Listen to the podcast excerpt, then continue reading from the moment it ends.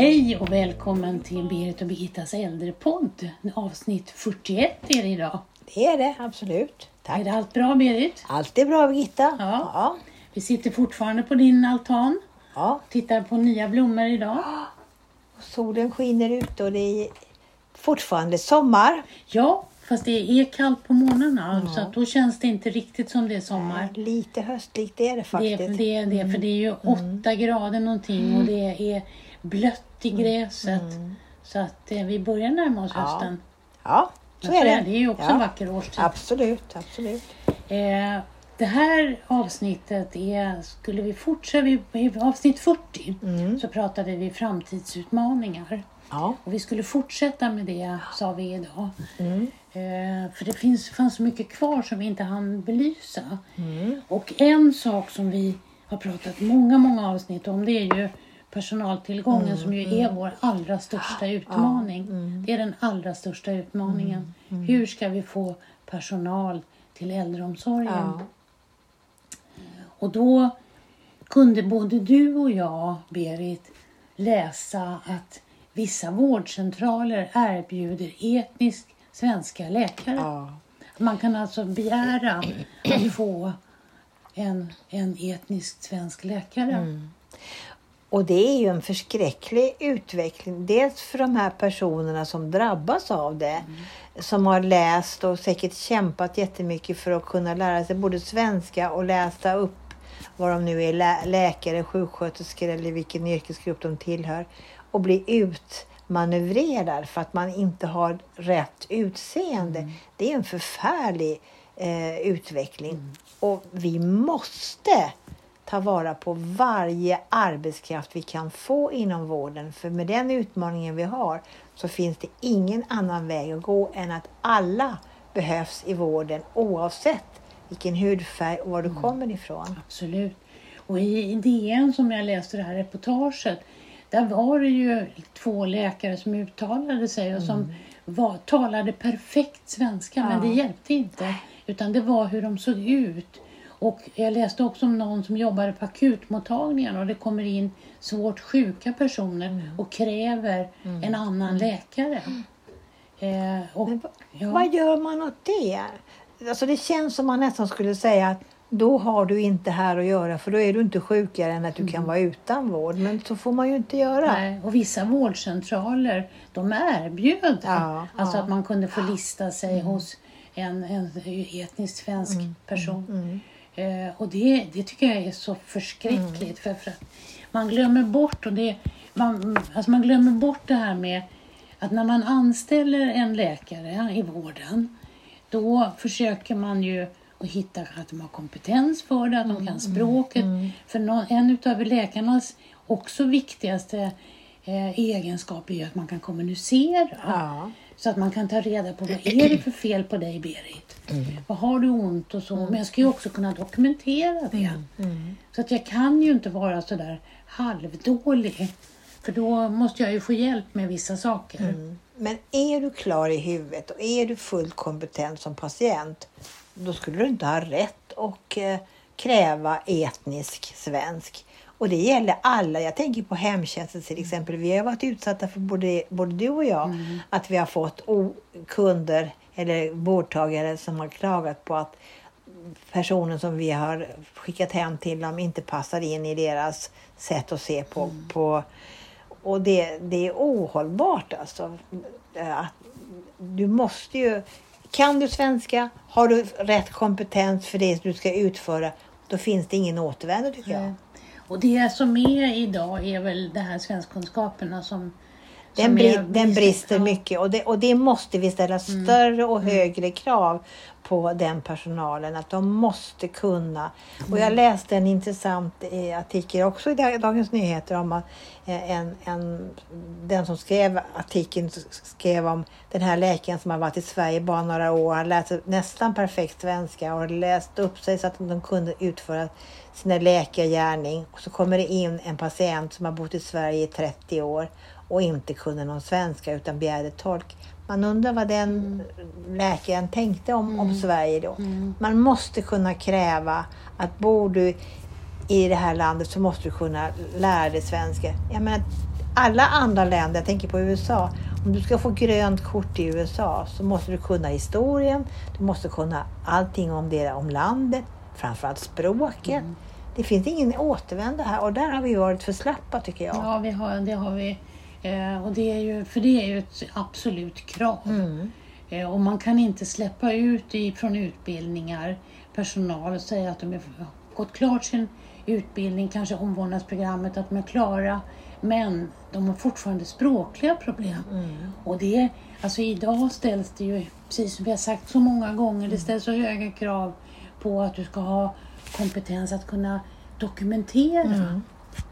Och det är, ju, det är ju för allas säkerhet, både för min och för, för brukarens säkerhet. Absolut, absolut. Det är jättekonstigt tycker jag. Och det är att man, och, jag vet inte vad man gör åt det, men någonstans måste man från skolans sida kräva att för att bli godkänd så måste du kunna svenska och då måste man ha svenskundervisning vid sidan om tror jag. Mm. Mm.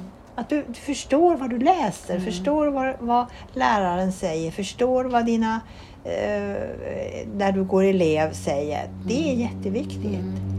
Ja, det är, vi måste ställa större krav Ja, på absolut. att man kan svenska. Ja. Och, när, och kan man språket eh, så ska man inte kunna väljas bort Nej, även om man nej. har en, en annan hudfärg. Nej, absolut Eller inte. kommer från ett annat land. Du behöver inte ha en annan hudfärg ens en gång, men man kan ju se på vissa att de inte är födda i Sverige ja. eller har bott i Sverige med svenska föräldrar. Ja. Och även de här som har bott i Sverige, som, som är födda i Sverige, blir ju också ut, utstötta och bortvalda. Och det är jättekonstigt tycker jag. Det är, Ja. det är mycket märkligt.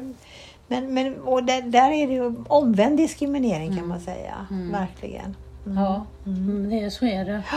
Men alltså, personaltillgången är ju den, den största utmaningen och nu förra gången pratade vi om att antalet sökande till omvårdnadsprogrammet har, och sjuksköterskeprogram och läkarprogram och sånt har ökat i och med pandemin. Det var väldigt många fler som sökte. Men nu såg jag, var inne och tittade på omvårdnadsprogrammet och kunde se att det är väldigt mycket lediga platser. Så att man, även om det, trycket har ökat så finns det fortfarande väldigt mycket lediga platser på omvårdnadsprogrammet. Då. Och när man läser om ambitionerna som de här invandrade invandrande föräldrarna har för sina barn så är det ju läkare, tandläkare och jurister. Men alla kan ju inte nå dit kanske på en gång och då kan det ju vara så att man ska försöka locka de här personerna, att man kanske går omvårdnadsprogrammet så att så småningom kanske man läser vidare till sjuksköterska eller till läkare eh, om man väljer den linjen. Och det, det är ju någonting man borde prata mer om. Att det finns, det, det är ju också en väg att gå, att man kanske först ser om man verkligen vill bli sjuksköterska eller läkare, att man går omvårdnadsprogrammet. Eh, för då ser man ju också om man passar för det och om man tycker själv att det här är okej. Och det kanske är någonting man kan locka med. Ja, absolut. Och det är också en... Att det finns en avancerings... en- en- Man kan fortsätta vidare när man har gått det här, att det finns möjligheter. Mm. Och sen är det ju också en otrolig eh, möjlighet att lära sig mer om människor och människors sätt att reagera och kanske om kulturen och så. Därför att det är ju ändå, alltså i, i om, de som jobbar i hemtjänsten, de möter ju människor så nära och får sådana insikter och får lära sig att, att eh, ta hänsyn och respektera. Ja. Ja, du, du är ju hemma i det absolut innersta, mitt, min borg, mitt, mitt, mitt privata liv. Så du får ju se, se så mycket av det här. Så att det är viktigt att man kan mötas där och att, då att man förstår varandra. Men i och med den här bristen på personal som vi har då så har ju också det här med teknik dykt upp väldigt mycket. Man kan ersätta med teknik. Och vi pratar ju om drönare och läkemedel som man kunde skicka till eh, en liten hälsocentral och där kunde man få det. Och just när det gäller glesbygden då. Men vi pratar också om det här Berit att man måste kanske möta sin läkare framför en skärm. för att man inte kan, kan mötas i praktiken. Då. Det är för långt till vårdcentralen, framförallt om du bor i glesbygden. Mm. Det här är ju mycket glesbygdsproblem och där är ju bristen på personal också Mm. väldigt stor. Men där är ju också en annan fråga. Det är ju det här med täckningsbehov som vi också pratade om förut. Att det, då måste man veta att hela Sverige ska täcka. Och det pratar man ju mycket om nu att man ska göra. Men från att prata om det till att det verkligen blir verklighet. Det kan man ju undra hur lång tid det kommer att ta då. Ja, och det är, alltså, vi är ju långt där. Jag läste om en, en kvinna nu som, alltså, som födde sitt andra barn. Och hon fick ju åka 25 mil till BB. Och det var de tvungna att göra i förtid. För att de var så rädda. För att de visste att det här barnet skulle bli ett stort barn. Hon var så rädd att föda det i bilen. Så de var tvungna att åka 25 mil och övernatta och bli igångsatt. Därför att hon inte skulle råka ut för en spontan förlossning i bilen. Ja, det är mycket märkligt. Så att, och det är ju så som land, det här landet ser ut. Ja, Det är ju inte bara storstäder Nej, och nej. närheten till allt. Utan, och det här drabbar ju också äldre. Men även storstäderna så tar man ju till det här med tekniken. Ja. Att man har sin, sin doktor på, på nätet. Och, och, eh, där tycker ju jag att det är lite konstigt att man, att man får lov att eh, använda sig av de här vårdcentralerna man har kanske jag tänker på tätorterna. Det finns kanske fyra, fem vårdcentraler med bara några kilometer emellan och ändå använder man sig av ja, de här läkarna på nätet som tar väldigt mycket resurser av de fysiska vårdcentralerna där man faktiskt får träffa sin doktor eller sin sköterska. Eh, så det är någonting man borde som, som politiker tänka sig för innan man godkänner det här. Absolut. Men det är kanske också nu i och med pandemin där många äldre har lärt sig facetima för att prata med barn och barnbarn och släkten. Så blir ju också den här, blir det naturligt att man också kanske pratar med sin läkare. Man är nog inte lika teknikrädd som Nej. man var innan pandemin. Och man kanske kan tänka sig, ja, vi har pratat om det du och jag förut, om vad kan man själv tänka sig den dagen man behöver hjälp? Skulle jag hellre vilja ha tekniken hemma i mitt hem än att det kommer hem väldigt många olika människor. Eh, Även om, om det finns personaltillgång så, så kanske man ändå skulle vilja vara själv eh, oberoende av, av en person. Till exempel med man har en kamera som ser över mig på, på natten så att jag inte ramlar ur sängen istället för att det kommer folk hela tiden fram och tillbaka. Eh, en självspolande toa, duschen klarar jag själv om, om jag bara har knappar att trycka på. Det finns mycket sådana lösningar Ja. tror jag. Det tror jag är bra. Och när vi pratade om det här med nattkamera, Berit, så pratade vi om att nattkamera är ju, det är ju tillsyn. Mm. Det är precis som om du får en nattpatrull som kommer hem och tittar på dig Mm. klockan tre. Så att öppnar kameran sitt öga klockan tre och tittar på dig. Mm. Den, den har inte någon övervakning. Den spelar inte in dig så den kan inte följa vad du har gjort på natten. Utan det är bara den här speciella tillfällena som man har kommit överens om att nattkameran ska öppnas. Och det är nattpatrullens personal som öppnar kameran och tittar på dig. Eh, och det skulle jag föredra, för vi vet ju, både du och jag Berit, att många äldre kanske sover, man sover ju lite ytligare när man blir äldre. Eh, och eh, många som sover kanske vaknar till när nattpatrullen stänger dörren och går därifrån. Mm. Och kan inte somna om sig. Nej, och då kanske man går upp och ramlar och slår sig. Men om, det är, om man inte får den störningen utan det är bara den här kameran som sätts igång och tittar på mig så kanske jag minskar risken för att gå upp och ramla. Ja. Och det är viktigt att poängtera att det är ingen övervakning utan det handlar faktiskt om att det, det är en tillsyn. För det tror jag man måste, det måste man göra väldigt klart för personen i fråga att man gör upp väldigt noga. Det handlar inte om de här som man ser på TV att man kan följa en allt vad man gör i sitt hem utan det handlar bara om det är uppsatt precis bara där du, du har kommit överens om, kanske vid sängen eller vid toaletten eller vad det nu är. Och det är just där och klockan då och då eh, öppnar man kameran och tittar att jo, men allting är okej eller nej, det här ser inte bra ut, nu skickar vi dit personal. Så att, Då, och då, man loggar ju in så man kan ju se hur länge man har tittat också. Ja, precis. och vem det är som har Ja, öppnat ja. kameran. Så det finns massor med tekniska hjälpmedel och tekniska lösningar. Och det tror jag man måste prata mer om med i till exempel pensionärsorganisationer. För de man pratar med idag vill ju inte riktigt ta till sig det där eh, när man är pigg och alert och går på gymmet och känner sig pigg och glad. Mm. Så vill man inte prata om det. Men jag tror att det är viktigt att prata om att de här lösningarna finns. Mm.